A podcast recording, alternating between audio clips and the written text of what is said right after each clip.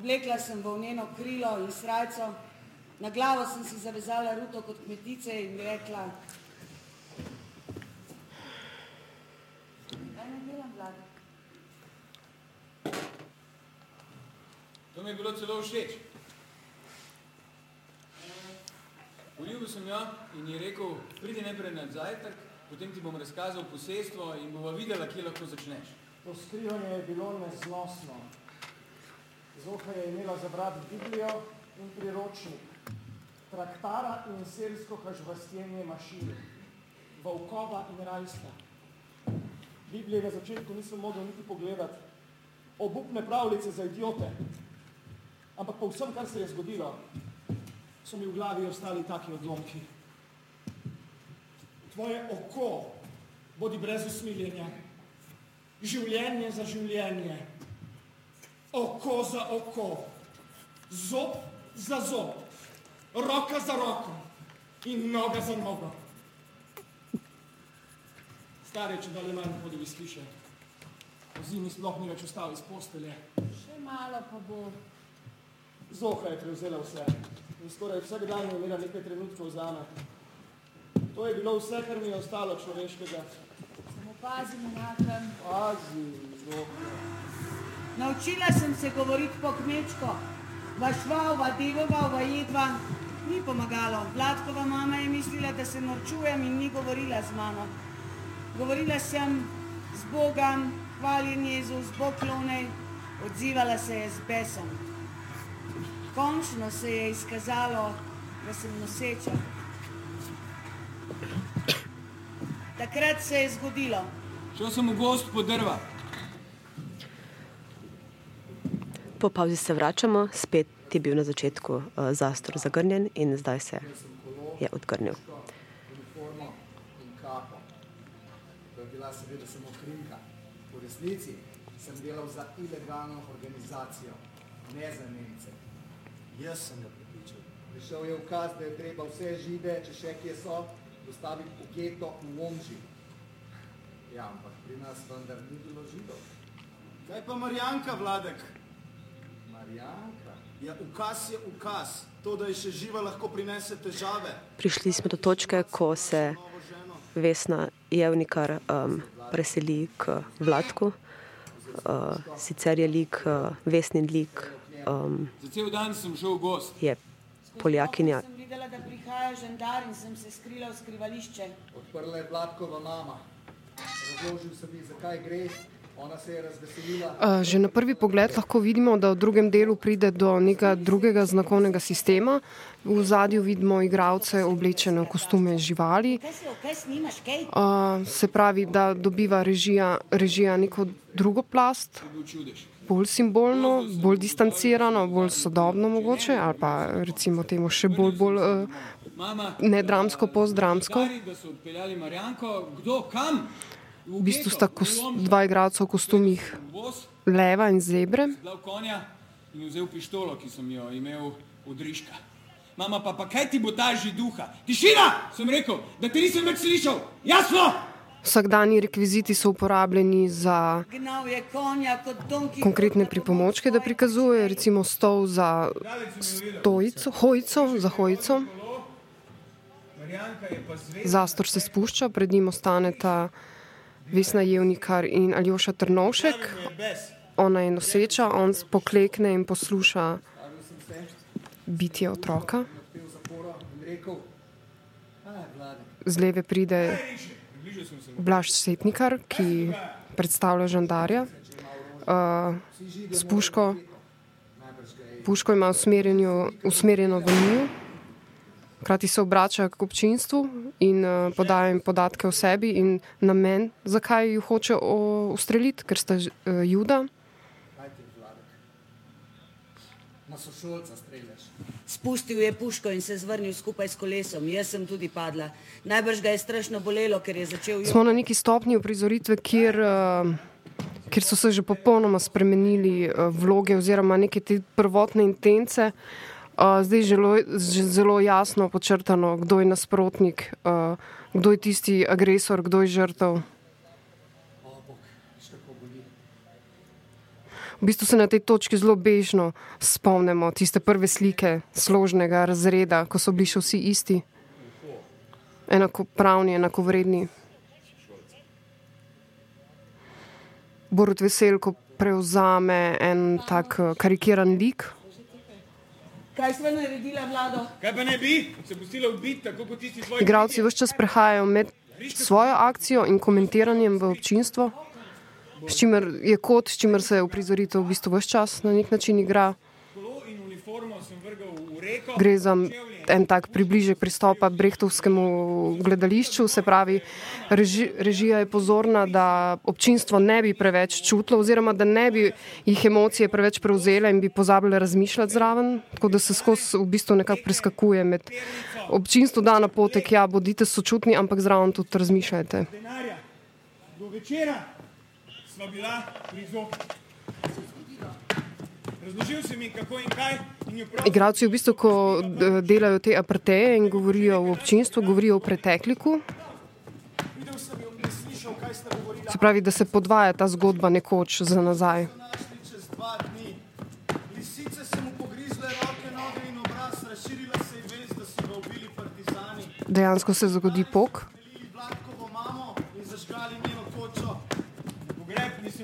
Ustrelil ga je v trebuh, ampak seveda, ker ima prizoritvena govorica to distanco, igralec ne pade po tleh, recimo, ampak ta padec samo opisujejo. Stric bi naj sicer še vzel, ampak njegov sin je bil župan in je bil odgovoren za celotno vas. Obredil sem vse, bližnje in daljne sorodnike, ampak nihče, dobesedno nihče nam ni hotel pomagati. Tako, Spala sva po gozdovih, globelih, po bunkerjih, skupaj s podganami. Če sva se uspela umiti, je bil praznik. Tu se bila setnikar eh, v vlogi eh, Riška, eh, zopet sooča svojo slabo vestjo. Ko je končal, je začel od začetka. Na tej točki, ko je ustreljen, si v bistvu že skoraj želi umreti. Mislila sem, da bom zgorela. Prosila sem, moledovala. Vlade, če si mama. Slaba vest je recimo tudi nekaj, kar se prelaga iz generacije v generacijo. Prej smo imeli recimo vprašanje, zakaj, eh, zakaj, to recimo prizarja danes. Ne? In je prav zato, da v bistvu prekinemo mok, ker eh, recimo so družine, ki tako ali drugače recimo preživijo vojno in se o tem ne pogovarjajo ali s svojimi otroki ali s svojimi vnuki. V bistvu vsi ti potomci čutijo to napetost neizrečeno in jo v bistvu na nek način nosijo uh, sabo in lahko potem eskalira na neki točki. Zato je pač na nek način ne samo za, zaradi ozaveščanja, ampak v smislu tudi zaradi neke uh, terapije pomembno, da je tako gledališče in da se v bistvu, uh, recimo, zelo je zanimiva ena, ena teorija oziroma ja, ena teorija v smislu, če hočemo pozabiti nek dogodek, neko katastrofo ali vojno, uh, jo moramo najprej temeljito se spomniti, jo obdelati, šele potem v bistvu lahko pride do nekega, neke pomiritve oziroma te pozabe. Če pa, če pa se s tem ne soočimo, pa se to v bistvu vleče za nami. Tudi kot družba, tudi zaradi tudi to, da se danes recimo spet tako radikalno deli na naše in, in vaše, je vse to seveda tudi posledica tega, da določene stvari niso bile razdeljene v zgodovini, tako da potem eskalira to v nekih valovih. Uh, vrnila bi se še malo na dogajanje na odru.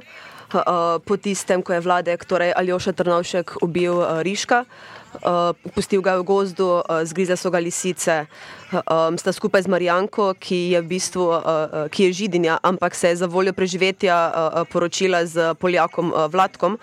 Uh, In je z njim tudi zanosla, uh, sta zdaj uh, na begu pred predvsem Zigmundom, ljudim sošolcem, ki je pa iz konteksta jasno, da je on v bistvu znotraj uh, tega avtoriteta, uh, da vsi uh, um, morilci, uh, antisemiti uh, uh, v bistvu uh, odgovarjajo njemu. In trenutno si je zadal za um, misijo poplačati Riškovo življenje. Zato tudi beg Vladka in Marjanke. Zanimivo je tudi, kako v bistvu kostum Vesne Jevnikar tako izbode v oči, barva, ne? to, kar smo se tudi prej pogovarjali, v bistvu ta poenotenost, ali pa če pomislimo samo na socializem, ker so bile res obleke siva, rjava, črna, To je to najbrž ne. In ravno s tem, ker ni bilo dostopa do drugih, je bila ena taka uh, samoumevna prisila, da smo vsi enaki. Ne.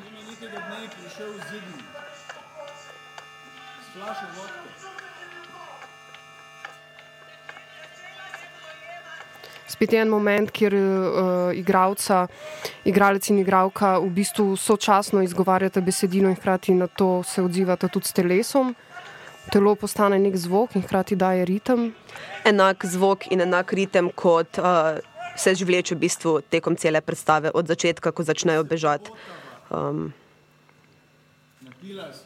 takrat, če pred vojno. Zdaj spet ta transformacija, ker ona opisuje tudi, kako je v koči rodila, rodila tega otroka. Minca je rekla v prvem delu, kako lahko plastična lutka deluje kot otrok, tu pa v bistvu gre za culo oziroma rjuhe, njeno prtljago, s katero je bežala in šope krož, ki ga zdaj začne pestovati. Najbolj važno je, da je Marijanka na varnem. A ne? Tako da ne, mlado. Prav nič se ne sme zgoditi, prav nič. Mazel to, Zigmuš. Mazel to. Bil je otroka? Ja, zaradi tega, ker so na begu in um, otroke v tem kontekstu dodatno breme, uh, ki bi njun beg upočasnil. Pa tudi otrok je nekdo, ki se lahko nekontrolirano ogla oglasi. Tako, tako. Ne? Mislim, da je tudi to in je potem pač lažje, da se, se ga znebita. Otrok pa nisva več imela. Ne vem, kako je misel, da se Menachem skriva pri meni. Povej, Zoha. Zdaj vidimo, v bistvu, kako se uporabi lik Dore prej, ne? sicer že ubite, kako se vrne ona v bistvu v enem simbolnem znaku, igra na harmoniko, moči. Ampak je ta zven, se pravi, nekaj ne pozabe, nekaj, da ne pozabimo na njo, je tudi v bistvu na nek način ena ta ne, slaba vest, uh, riška. Če smo že pri Rišku, Rišek je prvi šolec Poljak, ki umre. Uh, tako da na tej točki lahko um, zaznamo v bistvu medsebojni boj, ne samo genocid nad Židi, ampak da se tudi um, znotraj tega um, Židi seveda borijo za svoje preživetje in da so žrtve na obeh straneh. Mhm. In tukaj tudi pač uporaba te, mislim, praksa te kolektivne igre, o kateri smo prej govorili, ne? da v bistvu ja, lik, ki umre, ni treba, da gre dol iz odra in da ne pride do konca predstave nazaj, ampak kako, ga, kako ga uporabiti v neki uh, drugi funkciji, ki hkrati pa deluje spet kot metafora. Ne? Ona, mislim, uh, Darja Rajhman je tu kot izvajalka glasbe, ampak hkrati seveda nosi lik in zgodbo odprejne. Tudi prostorsko, ne, več ni, ni realno označeno. Zdaj, vse čas, ko smo opazovali ta beg, odkar se je zastor dvigal, smo gledali Zoho in Menahema, torej pač, uh, on je žit, ne, ona, ona poljakinja, ki je nekaj si prej na koncu prvega dela tudi rekla, da se on pri njej skriva. Skratka, gledamo nek nem prizor med njima, spremljamo očitno te pare zdaj, ne glede na njihovo prostorsko umestitev. Morava stran. Njihovi kostumi tudi uh, zelo jasno nakazujejo, da, se, da smo predstavili se v času, ne? da gremo naprej. Recimo Nec Cijan Garlati je že v snjeni jakni. Um, Nam je pa prej projekcija pomagala časovno slediti, kje smo zdaj v tem trenutku, nam prizoritev ne pokaže točno ne? časa. Je pa to recimo zanimivo, ne, režijsko vprašanje.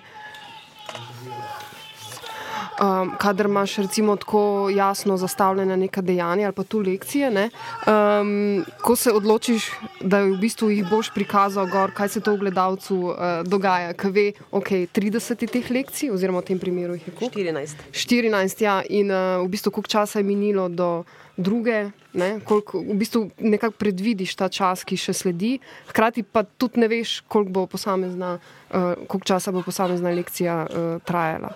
Mislim, tako se mi zdi, da je lahko to malo včasih tudi uh, triki, ne, na nek način je v redu, da sledimo, po drugi strani je pa kot da nam že da, kot da že imamo nadzor ne, nad časovni, koliko časa bo trajalo. Je pa, Res- Aha, pardon, v prvem delu je bilo 10 lekcij ali 11, Ja, tako da 10. zdaj Ja.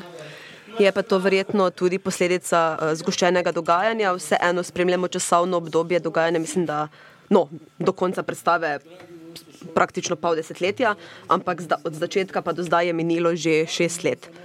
Um, in zato je tudi vredno na začetku hitreje minevalo, hitreje so se razvijali dogodki, odkar so se oni upisali v šolo, pa do začetka druge svetovne vojne. Zdaj pa v bistvu spremljamo isto, oziroma uh, isto obdobje. Vsi so šli z mano, ne spomnim se, kako se je moja mama samo jokala in jokala.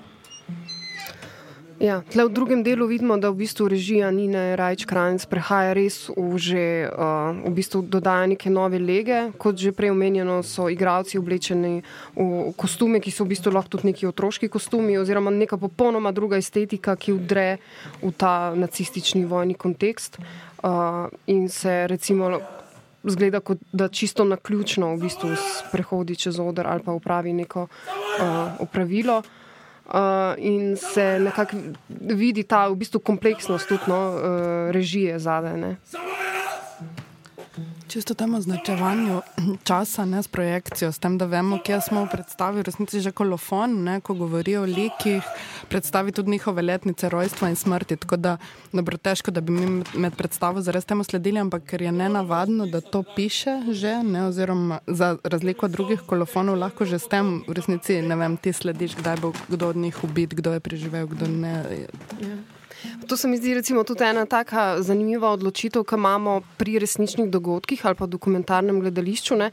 Kakšna je v bistvu razlika v doživljanju nečesa, če ti napišeš eh, na začetku, to temelji na resničnih dogodkih, ali pa če pustiš in šele na koncu napišeš, to je bilo po resničnih dogodkih. Ne? Kako v bistvu na dva eh, različna načina ta resnica butne, butne v tebe. Ne? In se mi zdi, da, da sta na nek način obe legitimni in enako uh, zanimivi, ker v tem primeru, če ti nekdo šele na koncu pove, to pomeni, da si manj obremenjen v gledu. Ne?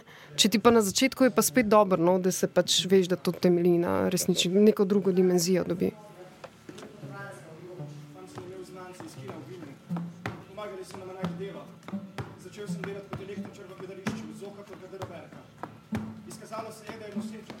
Zanimivo je, oziroma vse meni se zdi zanimivo, da v korespondenci med Zigmundom, eh, ki je eh, na Polskem, in med eh, Abramom, ki je še vedno v Ameriki.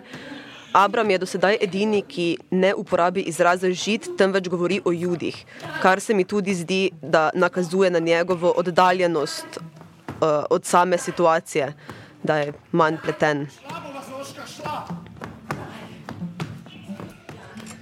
Pa v teh časih je jud tudi politično korektno. Ne? Tako, Žit tako, sej, seveda, to sem imela s tem ja, v bistvu predvsej v mislih.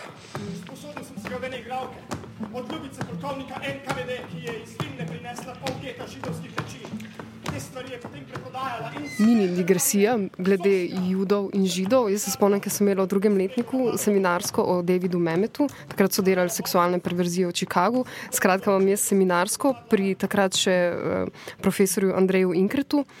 Uh, in jaz pač berem biografijo na začetku, kot se spodobi za seminarsko nalogo, saj v drugem letniku. Uh, in jaz brez, mislim, jaz sem pač imela napisano žit, ne, da je bil žit in se spomnim, da je on meni ostavil in rekel. Ne, mislim, od takrat naprej, mislim, ni, ni me zdaj ukaral, ampak mi je dal zelo jasno vedeti, ne, da je žit slabšalno, da je jut. Čeprav sem jaz tudi potem slišala, da ni zdaj spet tako radikalno, ne, kot bi bilo recimo cigan ali pa rom, ne, ker je že ta konotacija različna. Ampak uh, se, se pa spomnim njegove ogorčenosti, pa tudi ko, to bi pa lahko zdaj vedela, ne, da se to ne reče, meni se ni pač niti. Sanjali. In tudi vprašanje, ne, koliko je v bistvu ta beseda, koliko je, oziroma koliko ni, ker, nismo, ker to ni neka naše izročilo, ne, smo tudi manj, manj uporabljamo to dejansko, ne, razen ko pridemo v stik z gledališčem ali pa z literaturo ali pa tako. Ne, uh, zato, seveda pa nekdo, ki je v to pleten, pa vidi v tem ogromno ne, razliko. No, če smo že pri digresijah, jaz recimo sem zelo občutljiva, ko kdo za Nemce govori kot švabene. A to glede na tvoj prijemek, neka švab? Ja, what gave me away?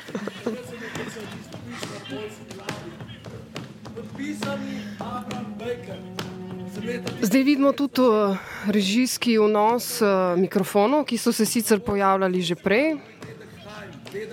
Uh, mikrofoni še vedno ostajajo nek trend, neka tendenca slovenskega sodobnega gledališča, uh, čeprav se mi zdi, da malo upada vseeno to. Um, ampak bi bilo zanimivo no, iti včasih predstave gledati izključno skozi perspektivo mikrofona. Kdaj pride na, na svojo vlogo, kakšno funkcijo ima. Um, Ali res samo zato, da vzpostavi neko distanco, ali zato, da vzpostavi intimo, kar smo se že pogovarjali in se še bomo dru pri drugih predstavah. Sicer smo v predstavi zdaj na točki, ko um, Zoha in Menahem pobegneta. Zoha odpotuje v Ameriko, Menahem pa ji obljubi, da pride za njo takoj, ko bo lahko. Tudi ta ritem, ja, pardon. Tudi ta ritem se ponavlja skozi celo predstavo. Se mi zdi ful dober, ker res sproti daje neko napetost, da si noter. In po, po drugi strani imamo pa res te na nek način, um, lahko bi rekli, že malo komične kostume živali, ki pa dajo nek potujitven efekt. Ne. Nek ritem ali pa zvok preganjanja. Ja, v bistvu. ja.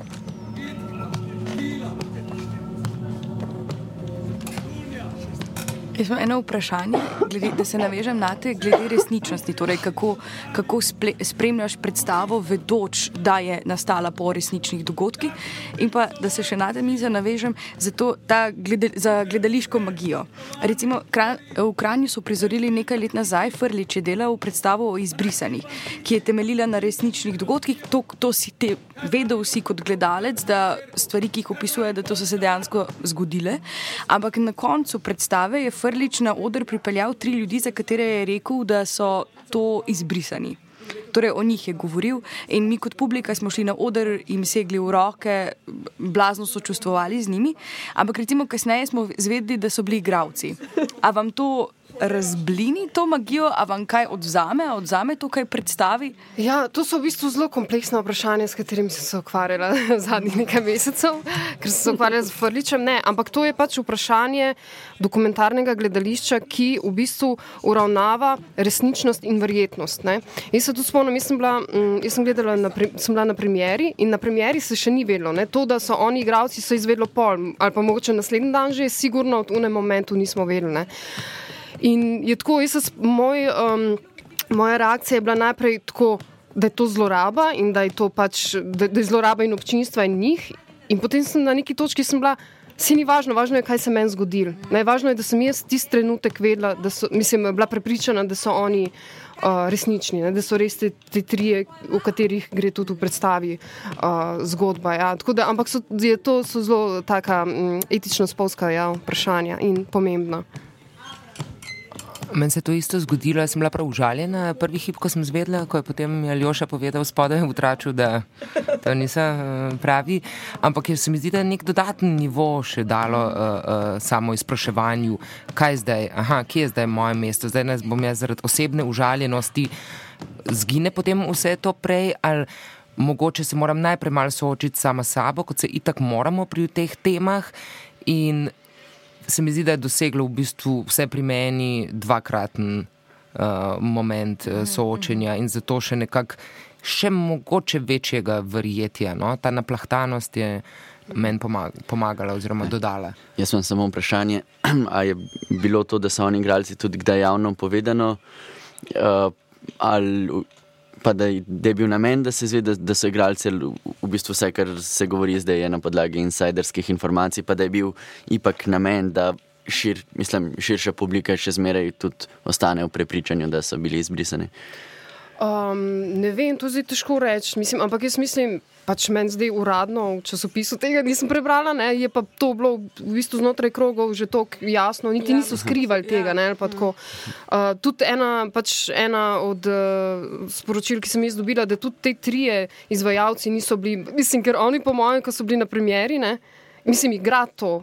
Ker to je en tak moment, ne, ko oni vidijo ta odziv uh, občinstva in ti hkrati gor veš, da si fake, ne, po yeah. mojem, mora biti to pač uh, naporno. Ne, Izjemno. Ampak je pa recimo ena stvar, ki jo frlič, ampak ne samo frlič, v bistvu vsaka na nek način prizoritev je dobro, ki obravnava nek resničen dogodek, ne?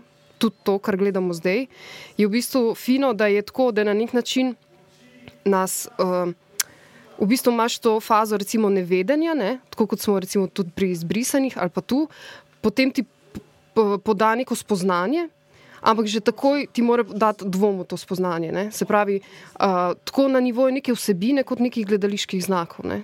Se pravi, da se ne sprašuješ zdaj sam, a se je zgodilo. Se, se pravi, ampak ravno s tem se mi zdi, kar sem že prej omenila, ker ona, eh, ker recimo Nina Rajč daje te potujitvene noter momente, ne, prost tem te, te, te ven vrže, ne, ker emocija je v bistvu zelo nevarna, ko se spominjaš teh uh, katastrofalnih vojnih dogodkov ali takšnih in drugačnih pogromov, ker lahko popolnoma zaslepi realno sliko. To pa seveda potem lahko potegnemo do brehta, ki je hotel ravno to da se, da se misli, da se razmišlja o, o družbi, da, da ni teater sam nekam, kamor se gremo smejati ali pa čutiti, um, ampak da se vzpostavi neka kritična distanca.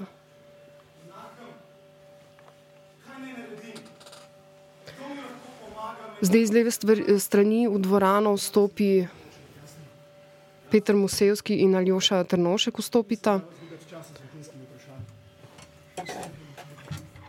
Torej, Hajnek in Vladek. Vem, da ste moj šokiš novina, ki si ga zažgal v skrbi. Me pa se nima, če tvoja žena in otroci to vejo. Vem! Vem! Da si bil 45. leta istočasno vodja ilegalne organizacije in vodja občinskega sveta. Policaje si izločil banditom in banditom. Taki momenti sigurno, mislim, so recimo ranljivi. To recimo občinstvo vedno čuti kot nek poseg ne, v njihov prostor ali pa takoj vem, se počutijo, da, vem, da, da bojo kje vključeni. In se mi zdi, da pri takih temah, um, recimo tudi Frlič to doskrat počne, ne gre samo za estetiko, gre za neko, da ti prav fizično začutiš neki. O, ne, zdaj pa to ni več na odru, pa, pa, čeprav skozi vemo, da smo v teatru, ampak gre za take mikro, v bistvu, nijanse, čiz zavedanja lastne prisotnosti in telesa. Tukaj sicer uh, se začenja um, več časa trajajoč uh, osrednji, v narekovajih, um, dvoboj med Menahemom in uh, Sigmundom. Uh, Menahem zdaj dela za um, NKVD, če se ne motim, torej on pa um, se ukvarja z. Prav, Dela za policijo in išče uh, ljudi, ki zganjajo genocid uh, na Džidi, in pride do Sigmunda, in trenutno ima ta soočenje, zasli, v bistvu zaslišanje. Uh, In tukaj se tudi izkaže, da Menahem, ki je sicer do sedaj konstantno uh, prikazan kot žrtev v svoji vlogi uh, policaja oziroma preiskovalca, se vseeno ne spusti na um, osebni nivo in pretepe svojega sošolca in sicer sovražnika. Uh, sta pa oba. Uh in Benjamin Karnetič in Cijan Gosta, ne, v, uh, gostujoče igralce, kar je vsakič znova, mislim, da popestritev in za ansambl in za gledalce, mislim, da tudi gledalci, da se rabijo, da se oko spočije no, in da neke sveže energije pride. Jaz mislim, da je to za vse win-win situation. No, Absolutno. Sta pa tudi oba stalna uh, uh, gosta v predstavah uh, Nina Rajča, Kranjac. Mm. In sem ga na gobec.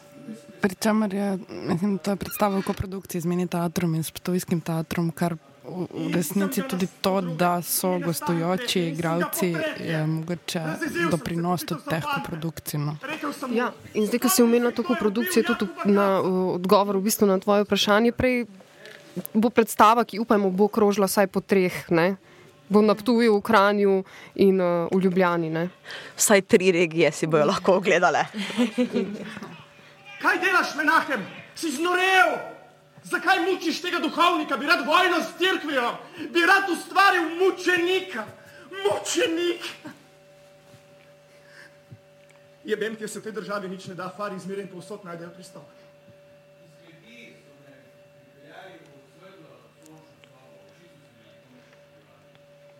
Sicer je uh, Benjamin Krnetič tekom svojega sedaj zaslišanja kot Zigmund izrekel, da se kot še danes leta 2018 uh, vemo, kar gre spet nek za nek um, potujitven efekt za odmik od.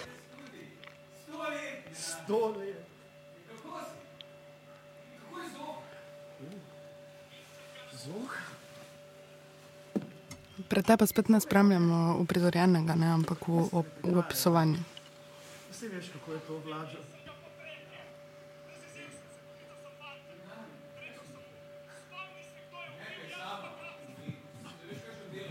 A ja, a ja.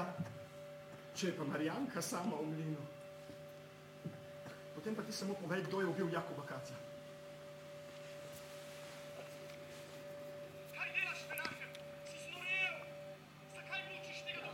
Zidmund. je priznal. Helik ne. Ampak Vlađo je pričal. Proces se je začel. Me pa zanima, no, k, ko smo rekli, ne, da se bo igrala na treh različnih odrih. k- Kakšno močno energijo ima ta predstava, koliko je noter dretje nekega hrupa, nekega, um, kako bo recimo v mini teatru, kjer je dejansko ful manjši odr in res načeloma taka res intimna atmosfera, kako bo pol taka predstava um, na tistem odru funkcionirala. No, jaz sem jo recimo gledala v mini teatru. Um, in se mi je zdelo, da je bilo mogoče ravno zaradi tega še toliko bolj intenzivno. Jaz sem sicer sedela uh, čisto zgoraj v zraven tehnične kabine, en sedež bolj desno. Um, ampak je bilo, um, ker so vmes projekcije, je ena vrsta sedežev podrta, uh, kar potem maso publike še dodatno zmanjša.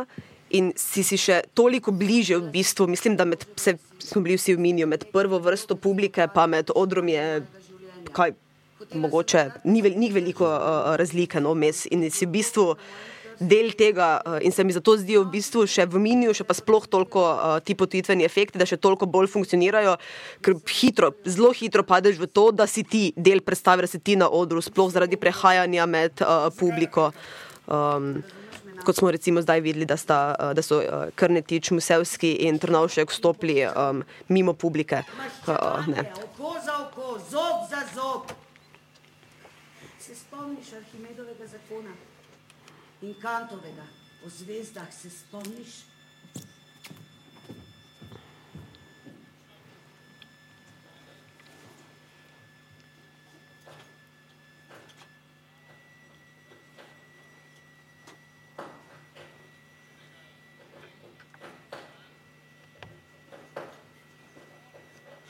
Jaz se opravičujem, ampak tu Aljoša Trnovšek zgleda kot dule, dušen. Ampak tiče, mislim, tudi to je potujitveni Ampak, ja, efekt, ja. mislim. Vrnil sem se v Varšavo.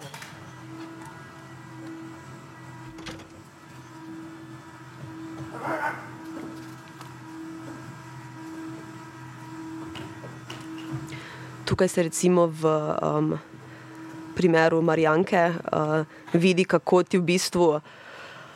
Kako ena usluga, ki ti jo nekdo nekoč naredi, oziroma sprememba uh, nečesa, kot recimo, kot pravkar povedala, da se je ona prekrstila iz židine v Poljakinjo, da se je lahko poročila s Poljakom in torej preživela, da so bili vsi upleteni, um, nju- njuni nekdani sošolci, uh, akteri, oziroma so ji na nek način pomagali. In kasneje bojo to izkoriščali, da recimo v sojenju sebi v prid, uh, so jo prisilili, da uh, laže njim v prid. Um, in to so v bistvu te usluge, ki se nikoli ne končajo. Sorry, nekaj čez zaradi korektnosti, da te popravim, da se je prekrstila iz uh, uh, Jodinje v uh, katoličanko. Pardon, se opravičujem. Ne v Poljakinjo. Je bilo kot hude sage. Začel sem piti veliko. Zdaj ne vem, ja, jaz se tudi uh, sprašujem, uh, recimo, čemu je ta kostum uh, zebre. Ne? In uh, potem se mi zdi, da že nekaj časa razmišljaš, je zebra ena taka žival, kjer ne veš, ali je črna in ima bele črte ali bela in ima črne črte. Kar je pa seveda tudi vprašanje nekega rasizma oziroma nekih veroizpovedi, kdo je več, kdo je manj, kaj je bilo prej, a je to sploh važno na koncu. Ne? Drugi živalski kostum je pa lev, ki je simbol moči in vladanja. In to pa pač tudi ne vem, je pomenljivo, se prej med enimi prizori sprehajal, opazoval, odkimoval ali pa pri, uh, nekim prizorom. Um, imel bolj aktivno vlogo kot zebra. No. Ja, Do zdaj. Sicer moja asociacija je bila, ker sem videla zebro, je samo to, ker smo to govorili o kolektivu. Eh, Zebra je kolektivna žival, ki morajo biti v masi, zato imajo črte, da, se, da potem ple, plenilec, le v tem primeru, ne more individualno zebre ven izbrati, ker se v bistvu kot masa pomešajo in te vzorci v bistvu žival zmedejo in pol ne ve, odkot napast in skozi so v gruči za to. Jaz sem nekako s kolektivom pol to povedala. Bil sem deset let.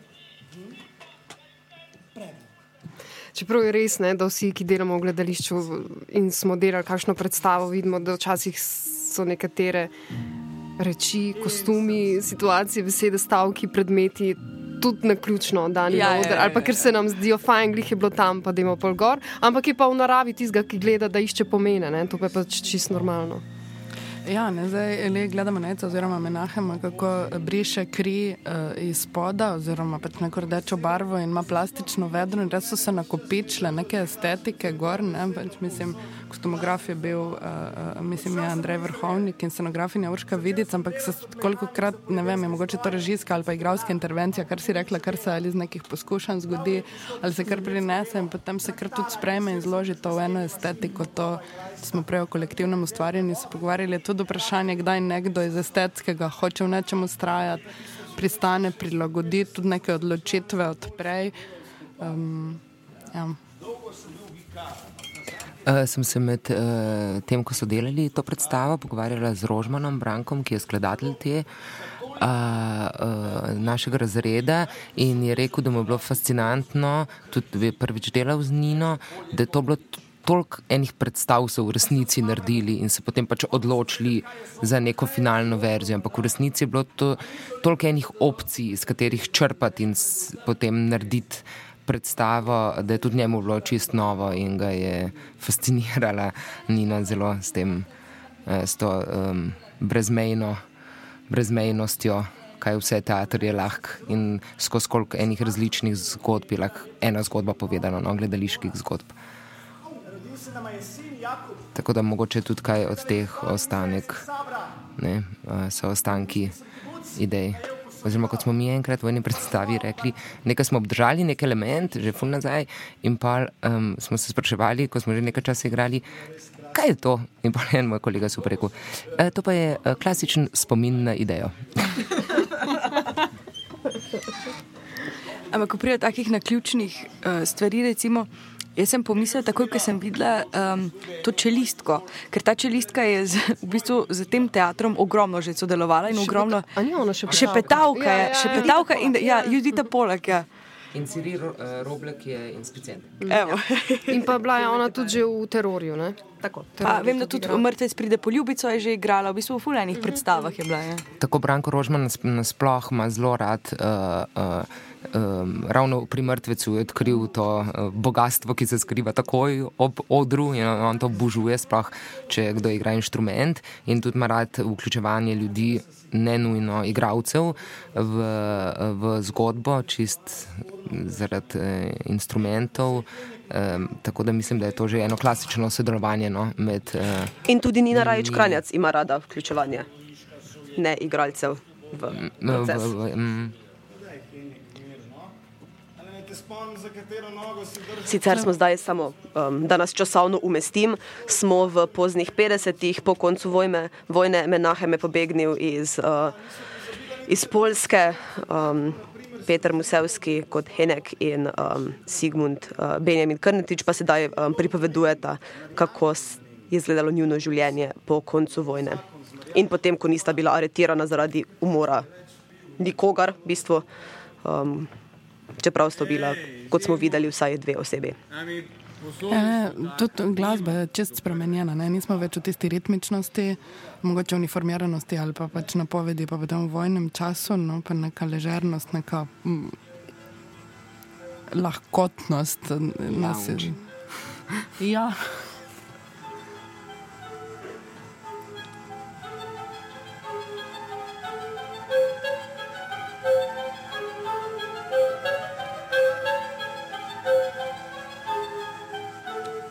Evo, ravno ko spet začenjate te teme, se glasba spremeni. In situacija ni več umirjena. Spet se spominjajo dogodkov, oziroma ne spominjajo, um, spet jih preganjajo dogodki, no, Sigmund, da nič ne preganja, uh, Henka uh, trenutno preganja spet njihovi do, um, zločini. Ja, in to se pokaže tako, da recimo uh, igralka, ki igra Doro, pride dejansko fizično z isto to držo otroka v roki, uh, se pojavi na odru.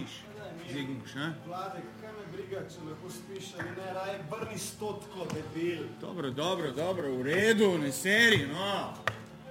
Lepo spi. Ko ste nosil šolo, ste vzeli kredit in kupili hišo v New Jersey. Da je takrat se je zgodilo. Ne vem, kako me je našel. Podpišite papire, kaj dobrega bo iz tega. To je medalja, pravičnik med narodi. Mogoče bo kakšen denar.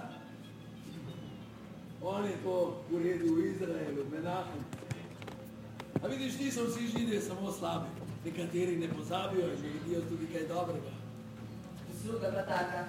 Časopisi so pisali, da sem med vojno reševala žide. In takrat se je zgodilo. Žide si reševala!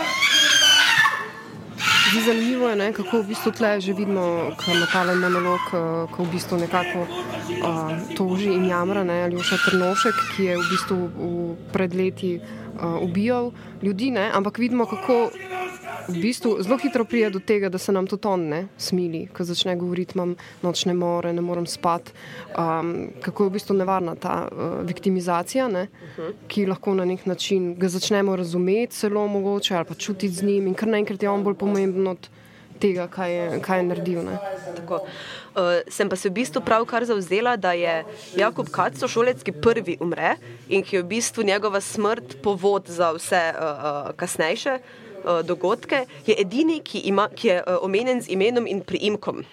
Torej, krvnik tajne policije ne bi se izmazal brez zaslužene kazni. 24. junija 1970 je zjutraj Zajkrku moj sin Jakob povedal, da se bodo v šoli pogovarjali na temo, kdo je moj oče. Kdo pravzaprav vsi oče ne vprašamo? A, to zdaj gledamo prizor med Abramom in Zoho. Zoha je torej pribežala v Ameriko, Menahem nikoli ni prišel za njo. In Zdaj očitno Abram zvedel, da je ona z Menahemom imela zgodbo. Ja, no, tam. Ne, sprašujem se, ne, ne, je on zdaj šele zvedel, da je ona bila z Židom, sta Abram za Zoho? Ne vemo. Ob 7.45 je Rus pospremila Jakoba na šolski avtobus. No, ne, pač meni drugače to delovalo zopet kot nek moment antisemitizma ali pa pač ne mislim, če je rekel kurba židovska, torej zato, ker je bila z židom, ne. Kljub časovni odmaknjenosti in vsem, no, pač zopet. To. Ob 8.15 je gibil avtobus granata. 24. junija opoldne se je nad Vigro razbesnela nevihta. Avtobus je 15 Zigmund in Menahem, ki se v bistvu bojujeta že um, celo prizoritev, uh, si zdaj uh, prihajata nasproti vsak s svojim mikrofonom in tekmujeta tudi v tem, čigav sin je boljši človek, bolj uspešen, bolj ambiciozen, ima boljše vrednote. Kar me namreč spomni na prvi prizor in to, ko so oni govorili o svojih očetih in o po, njihovih poklicih, pa o poklicih, ki si jih oni zase predstavljajo, v kaj naj bi oni se razvili, zrasli, odrasli.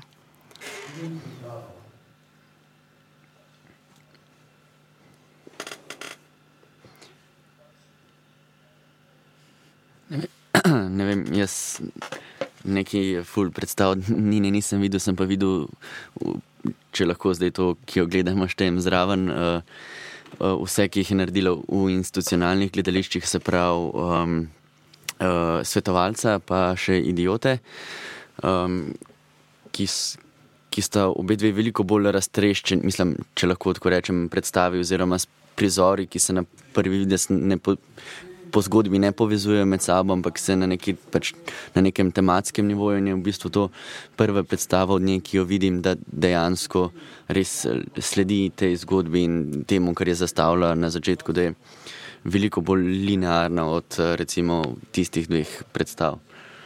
Gospod, nisi poslal jadnika, Izak je umrl. Zakaj nas preskuša svojo jezo, zakaj trepetajo naša srca? Tak mlad fan, up svojih staršev, arhitekt z diplomo, z načrti, v Rimu bi moral občudovati kar Kolosej, v Parizu Louvre, v Atenah Akropolo. Gospod, nisi poslal jagnjeta, ampak saj vemo, da je to jagnje prišlo k nam, tudi ti si to jagnje. Bilo je grozno, nečloveško. Tega nisem mogla poslušati. Krsta je bila zalotana, menda so mu jegulje pojedle obraz. Po pogrebu je Rus izjavila, da se ne drži prekletstvo in odšla. Zigmundova žena je končala v Norišnici, v Korošču. Prosil sem znance, da bi mi uredil stik s tajno službo. Nič me ni izučilo. Sprejel me je podpolkovnik. Povedal sem mu, kaj sem počel na Polskem in da bi enako rad počel s teroristi, ki so mi ubili sina. Rekel je, da dobro ve, kaj sem počel na Polskem, ker ima v predalu deset zahtev za izročitev in da seveda potrebujejo Tukaj lahko vidimo prvi prizor šibkosti Zigmunta. Um, opisujejo namreč pogreb njegovega tragično preminulega um, najstarejšega sina, torej prvorojenca, ki je umrl v nesreči. Ta elegantni moški, ki je hodil okrog s belim svilenim šalom, se je umaknil iz javnega življenja in se upokojil. Noč in dan je presedel pri meni v župnišču. Samo gledal je nekam, tiho, pred se, prižigal cigareto za cigareto, enkrat je pa rekel, Zasrali smo si življenje, Henjek. Kje je bil Bog? In tem se je začela Jom Kipur vojna. Umrl je tudi Menaheno, Menaheno, Menahemov sin. Um, v, njem, v njegovi igri trenutno ni videti eh, znakov šibkosti, bolj očitnih znakov šibkosti, kot so bili prisotni že do sedaj. Je pa naprimer še toliko bolj zagret in pognan v maščevanje, kot že celo predstavo.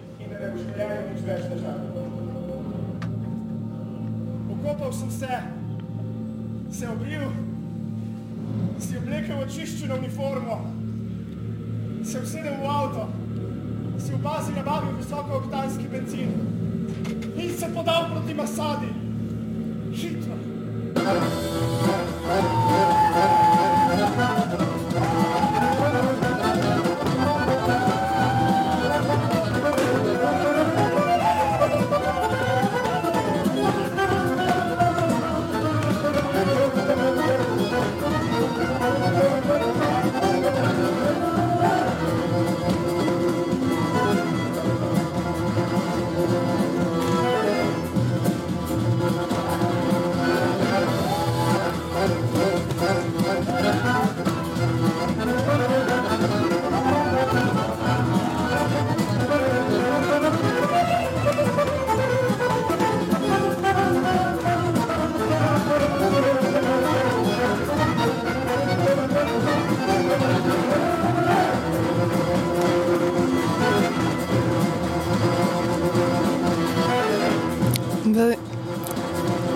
Je to prizor samomora, gledamo spet ponovitev estetsko, da nas Tako. zaslepijo reflektori. Tako in ponovno gre za stili, stilizacijo.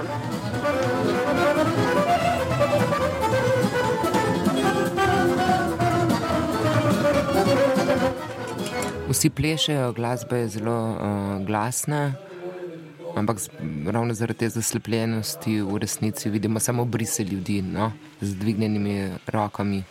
Ampak nekako je kaotično vse, nekak, nek neprijeten občutek.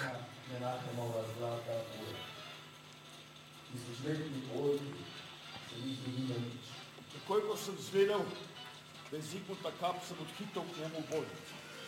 Imel je odlično oskrbo. Zet je naredil vse, kar se je dalo, da bi ga rešil. Jaz sem pa noč in dan s njegovima hčerkama.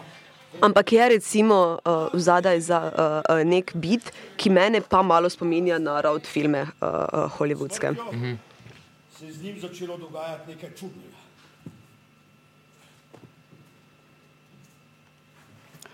Mene spomnim na postelj. Iz oči so mu tekle solze. Za spomeniki iz črnega marmorja meni je vseeno ta estetika, scenografije in postavitva odra, tudi kostumov, pa to, da imajo glasbenike v živo, ne v resnici gre tle tudi za neko to brehtovsko. pač, eh. Dojel sem, da so pred obličjem smrti vse naše zadeve majhne, da so v poslednjem obračunu pomembne samo velike stvari. Vina, čast, Ja, na nek način nekaj med eh, Brehtom in nekim revnim gledališčem, ampak tudi zato, da pride v spredje res ne, igralec, igralka in telo. Ne, ker tudi pač na prvem mestu je vedno telo, tisto, ki je trpelo v tem telu, ki pač, vem, je, je ranjeno. Seveda lahko govorimo o nekih dogodkih, vsebinah. Um, ampak v bistvu telo je bistveno. Ne, in se mi zdi, da tudi zato se na nek način je, so oni toliko bolj izpostavljeni. Zato je pač scena ali res reducirana na neke znake, hkrati razkriva neko mašinerijo, ne, uh, gledališko. Poigrava se tudi z nekimi klišeji, recimo s to meglo, ki sicer dosti proti koncu ne, uh, pride na, na vrsto.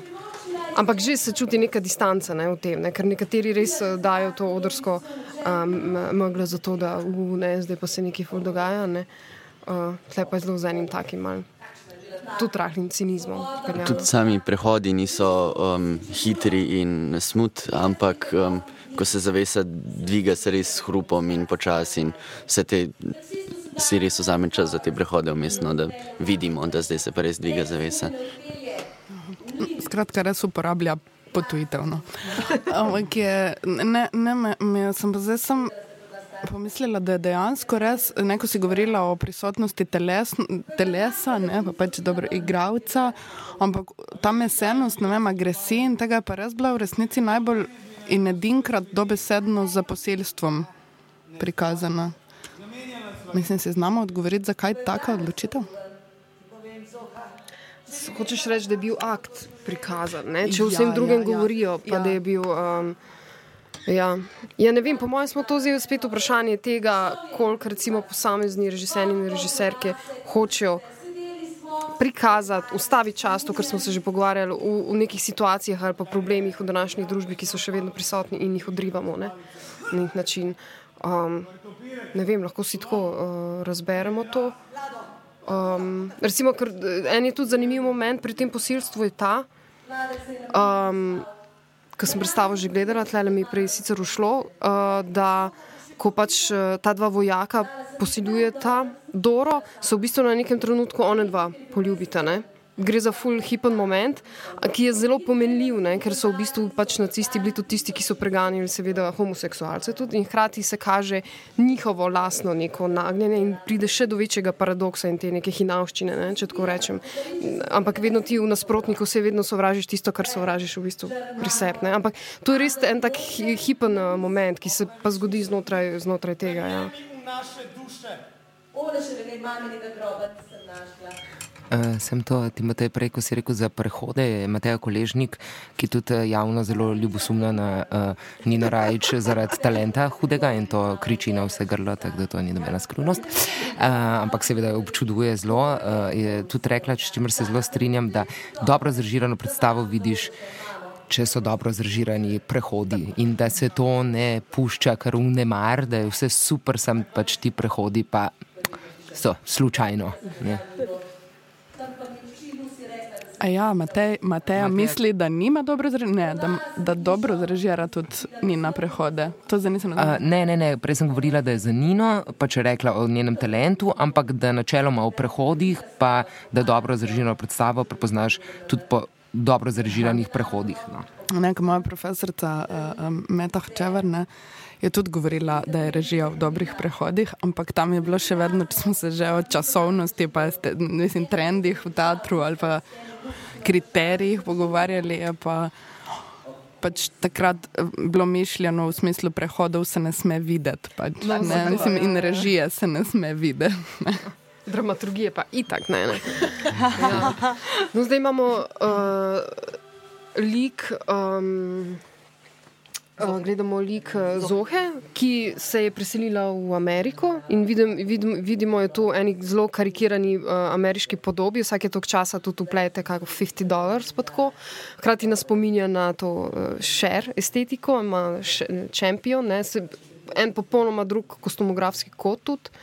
Zoha je trenutno sicer uh, se vrnila na obisk na Polsko in je zdaj uh, uh, na obisku pri Marjanki in Vladku, ki sta poleg Abrama še oni trije so še trenutno še edini živi uh, sošolci in ravno zato uh, na vsake toliko navrže 50 dolarjev ali pa 10 dolarjev, da pokaže, kak je na uh, polskem, v bistvu, kako so ljudje z malo zadovoljni, ker ne, uh, nimajo kapitalizma, ker uh, nimajo denarnih vrednot imajo samo kumarce cele dneve in te klobase. In da kako je pa to življenje, ne? če nimaš te lepe, fine trenerke, pa štiklo poleg. Ampak je zanimiva ta gesta, ne, ko ona v bistvu si najprej ima bujno pričes, pričesko, ki je v bistvu lasulja in potem, to je vedno en ta moment, ne tudi v kakih muziklih ali pa filmih, uh, ali pa prav pri teh recimo transvestitih, ne, ko da, ko, ko si v bistvu uh, povezne dolne lasulje, kako v bistvu vidimo ranljivost, ne, ali pa oziroma neko, ne vem, časih tudi ničevost mogoče, ampak kako se v bistvu v enem dejanju, ne, pač lasije kot status, ne, um, v takih primerih tudi se uh, pokaže. In tle isto pri njej, ne, ko to da, postane popolnoma drug. No, ampak to verjetno, oziroma jaz si vsaj vedno to razlagam, da to primarno izvira iz Biblije, ko je bila Samsonova moč v laseh, potem pa, ko so mu jih porezali, pa je bil popolnoma šibek. In se potem to vidi tudi pri uh, bolnikih z rakom, da jim je uh, veliko krat se zgodi, da je naj, uh, največja kako bi tem rekla, pa nočem reči sram ali gradacija. gradacija, tako da izgubijo lase in da nosijo lasuljo. In zato recimo tudi jaz uh, uh, povezujem uh, um, to, da si nekdo sname lasuljo in postane ranljiv, predvsem za neko uh, uh, uh, mislijo na ljudi, ki nosijo lasuljo s tem, da zakrivajo svojo bolezen, torej svojo šibkost. Mm. Po drugi strani pa. Um, po drugi strani pa z z zavedanjem, v bistvu, imaš pa na drugi strani ljudi, mislim, ki so se zavedanjem pobrili lase in isto ne nosijo las, pa predstavljajo ravno to nasprotno ideologijo nacizma. Mm. Ampak je tudi ta arhetip v bistvu tako močen, tiste, ki imate otroke, boste mogoče lahko tudi potrdili, niste to najbrž 100%, ampak otrok, ko gre k frizerju, se joče doskrat, ki mu režejo lase, čeprav ne čuti, ne? ampak gre očitno za neko se je za neko rušenje, začetek rušenja neke dignitete, mislim, ne, nek poseg, v bistvu, ki ni boleč, ampak ne, na neki, po mojem, nek arhetip ne mora to biti. No, čeprav tle bi jaz bolj rekla, da gre, da gre za počasno spoznavanje tega, da nohte ali pa se v bistvu ne, ne čutijo. No. Tle ne vem, če je toliko arhetipsko, koliko gre res za neko kognitivno počasi razumevanje sveta. Čeprav Uh, mislim, oprosti, to zdaj se navezujem na to zadnjo izjavo, ampak ne, ker so, ne, ne, mislim, da še vedno ni čez potrjeno, kol, um, veš, neke stvari, ki naj bi jih otroci do neke starosti še čutili dobro, ne las in nohtov, no, ampak pa, pa mislimo, da jih ne. No, ampak recimo pa vem tudi, ker smo se ravno na akademiji nekaj o tem pogovarjali, da gre pa tudi recimo uh, samo terapevtsko. Ne? Recimo ljudje, ki doživijo kdaj kakšno travmo, uh, potem rabijo neko preobrazbo, da v bistvu pustijo to travmo za sabo, da imajo nek feeling, da so odvrgli to. In v veliko krat primerih gre ravno uh, za spremembo v bistvu pričeske. Greš in v bistvu simbolno se znebiš tega. Ne, to je, recimo, smo se ravno pogovarjali v filmih, je to zelo pogosto sredstvo, da to je pogosteje pri puncah, da ravno ko grejo skozi neko osebno spremembo, karkoli kar nekaj traumatičnega, da se zgodi in rabi nov štart, nov začetek, je prvo, kaj naredijo, je, da, se, da gre pred ogledalo in si postriže svoje lastne lase. Uh,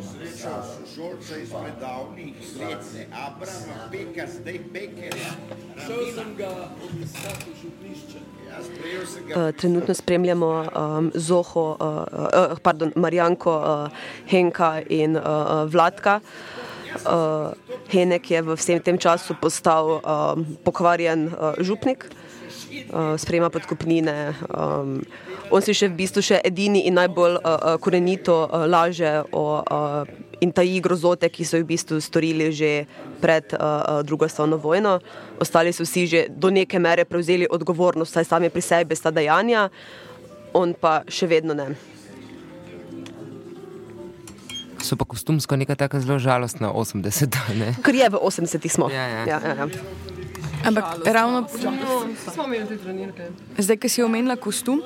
Um, prej, ki smo se pogovarjali, da v bistvu v tej predstavi zgolj en moment golote akta. Uh, me zanima, kakšen je pa v bistvu vaš odnos do, do golote na odru. Recimo, meni se dostkrat dozdeva, da ker je tega tok, tudi ko vidim goloto na, na, na odru, nima tega učinka name, kot bi recimo nekega šoka ali kaj tasga, ampak je golo telo je kostum, je eden izmed kostumov. Mislim, je znak, absolutno je znak, ampak se mi pa zdi, da pa nekega morda efekta kakršne koli um, šoka ali pa tega zagotovo nima. Kaj bi ti rekel? No? Mogoče ne bi direktno na to odgovoril, no, ampak sam, ker smo se prej pogovarjali, zakaj samo enkrat v predstavi. Da, če, če gledaš ti, da bi bili vsi nagi celo predstavo, um, ima ta golota ful manjšo moč v bistvu, kot če se pojavi samo na neki Ja, točki v eni absolutno, predstavi. Je, mislim, je tisti trenutek veliko močnejši. Ne? Res je, Ampak- pri herojih dva pika nič ti je na začetku še malo neprijetno, po petih minutah pa se kar navadiš tega. Da. Ampak sam, sam, zadnja stvar, sem to se hotel reči, da, da ja, ravno to sem razmišljala pri Nini, ker je ta trenutek samo en, ampak tudi, ker je ta trenutek en, zaradi vse splošne eh, nekako nasičenosti golote, se mi zdi, da ta en trenutek morda. n- Mislim, ima nek drug pomen, kot bi ga imel, če, če ne bi bilo tega tako prezentno na, na slovenskih odrih in na odrih nasplošno. Ampak jaz sem govorila o aktu posilstva, ki je prikazan in uprizorjen za razliko od bojev, pretepov. Um, in v resnici meni pa je tu golota v tem prizoru delovala dosti bolj surovo in ne kostumsko, ampak res Ja, ja, pač, mislim, uprizarjanje tega sem, sem to. Ja, nisem o goloti no, govorila. A, Ampak to je Marko, je rekel uh, Mandič. Zakaj me nikoli ne vprašajo, zakaj imaš to srajco? Zakaj me samo vprašajo, zakaj si go? In to se mi super odgovor zdi, no? super, sploh za njega. Meni se to zdi. Koga to verjetno veliko krat vprašajo. Ja, seveda. Ne, ampak je res, uh, jaz ne vem, ali mi je me je nekdo opozoril na to, ali sem sama na neki točki ugotovila, da je v bistvu moja selekcija vključuje v bistvu kar veliko lote, ne? se mi zdi, da skoraj v polovici predstav, ampak je zelo zanimivo, ne? meni je zanimivo to, na kak način recimo heroja normalizirata to goloto, ker jaz se sploh ne spomnim njiju. njiju go- golih. Ne? Jaz se zelo spomnim, recimo Mateja Puca v snu, uh, pa recimo Mandiča v skupaj, pa v bistvu še, še kakšni te momenti. Ampak uh, on, se pravi, gre najprej se mi zdi, da odnos. Igravca ali igralke do, ja, do, do tega, ne, do te golote. Ne. In se mi zdi, da je tudi, uh, recimo pri snu, ko gledamo Mateja Puca, jaz sem ga tudi, jaz mislim, da se on, a se prvič celo sleče, no, jaz ga prvič sem ga videla in to se, se mi zdi, da so neki mini nianse, ki čutiš pri njemu, da ja, ne, ampak še vedno um, ne, ni, ni te, absolutno ni te sproščenosti, pa neke normalnosti, um, kot je recimo pri herojih. Kar pa seveda vpliva tudi zaradi tega, ker je drug kontekst, ker je v drugem gledališču, ker je pač je nekaj popolnoma, ker ve, da so oči, ki ga gledajo. Je tudi to njima radikalno novo, ne vejo, zdaj, kaj bi s tem, kot recimo heroja, ki ne. Ker so se igralca že večkrat slekli. Ja. Ja, na puca ne pomisliš, mislim, ko pomisliš na puca, ne pomisliš na goloto. Ne. Bil je enkrat spodaj brez v kranju od Buljana uh, princese, zgodbe princes, nekaj takega je bilo. Že nazaj, drame princese, zelo nazaj, od Jelenik. Ja, Ne. ja, ja. Uh, ja, um, ampak meni se vse to, da se ne spomnimo, meni je še bolj, da se v predstavi v resnici ne spomniš, Ja, ja, če je bil kdo gov ali ne. In meni se s, te, s to nasičenostjo celo zdi, da. S, No, mogoče pa čez 20 let sploh ne bomo vedeli, ali bil ali ni, in da se meni to zdi vse Meni kulno. se zdi, da ta nasičenost je ravno normalizirala to goloto. Ne? Mm -hmm. Uh, V predstavi smo sicer v um, zadnjih uh, stadijih predstave. Uh, umrla sta še Henek in uh, Vladek, kar vidimo predvsem potem, da je na odru je kup rož, uh, ogromno šopkov, kot na pogrebu uh, v pogrebni veži. Um, od zadaj je megla, na odru so zbrani vsi že umrli sošolci in se pozdravljajo, veseli so, da se vidijo po tolikem času in da Sem brez oklevanja rekla, da kot Marjana.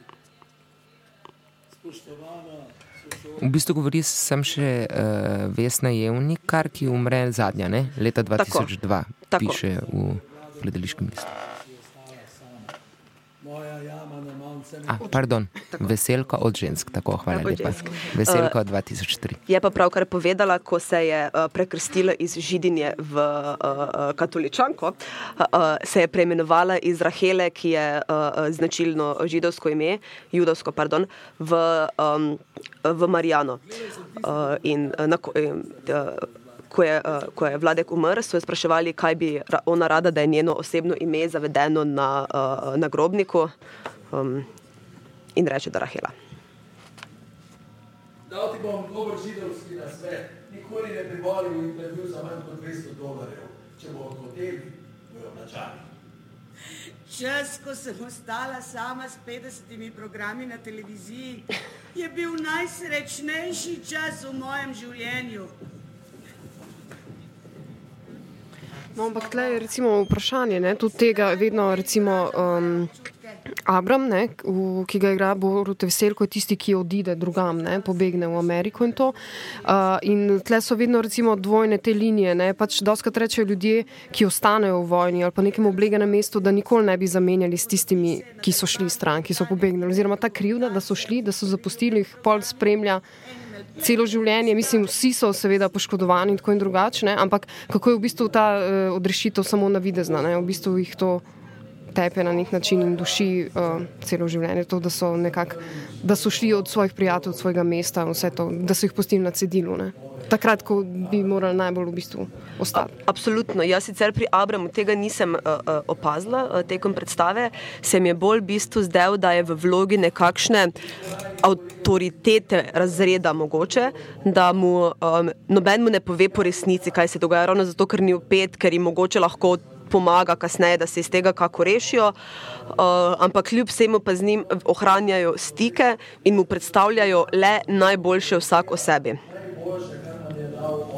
Meni je samo en, en, en tak mini moment, ko sem ga opazila, ne, ker so šopki res polagani na, na grob, skratka so nek znak smrti ali pa pač tega žalovanja. Um, in ta, ta, tak isti šopek tudi Abram da Marjanki oziroma Raheli. Ki tu spominja malo na kip svobode. Tako, ja. in to je referenca na prvo sliko, ko se Abram preseli v uh, Ameriko, se so šolci v tej uh, slow motionu, ko smo govorili na začetku, oni v bistvu uh, um, igrajo uh, prihod v novi svet, ker je tudi, če se ne motim, uh, že takrat uh, Vesna Jevnikar, uh, da se, se postavi v pozo kipa svobode. In jaz sem si razlagala to recimo, kot da je to referenca uh, na to. Da, ne.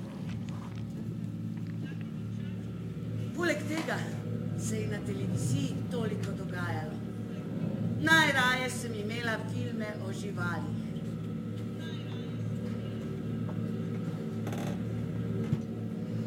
Zdaj, to je ena mini referenca lahko uh, tudi na ta dva kostumirani živali, glede na to, da če sta ona dva zadnja preživela, ona govori o svojem starostnem obdobju, ker je gledala ogromno televizije in ker je imela najraje filme o živalih. Animal Planet je gledala, ne v bistvu. Animal Planet. No, ali pa Madagaskar. Ali pa National Geographic.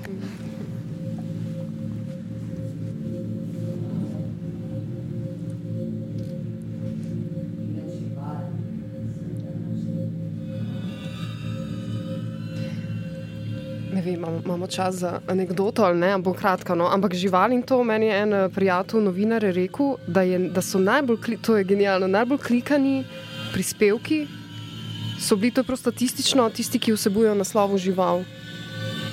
Ja, in je tako, ker očitno pač, ali pa tudi, če ni nujno, da bo šlo v živali, samo da je pač nekako žival, da je to je ful, nek, nek trigger, ki ga še niso čisto zares raziskali.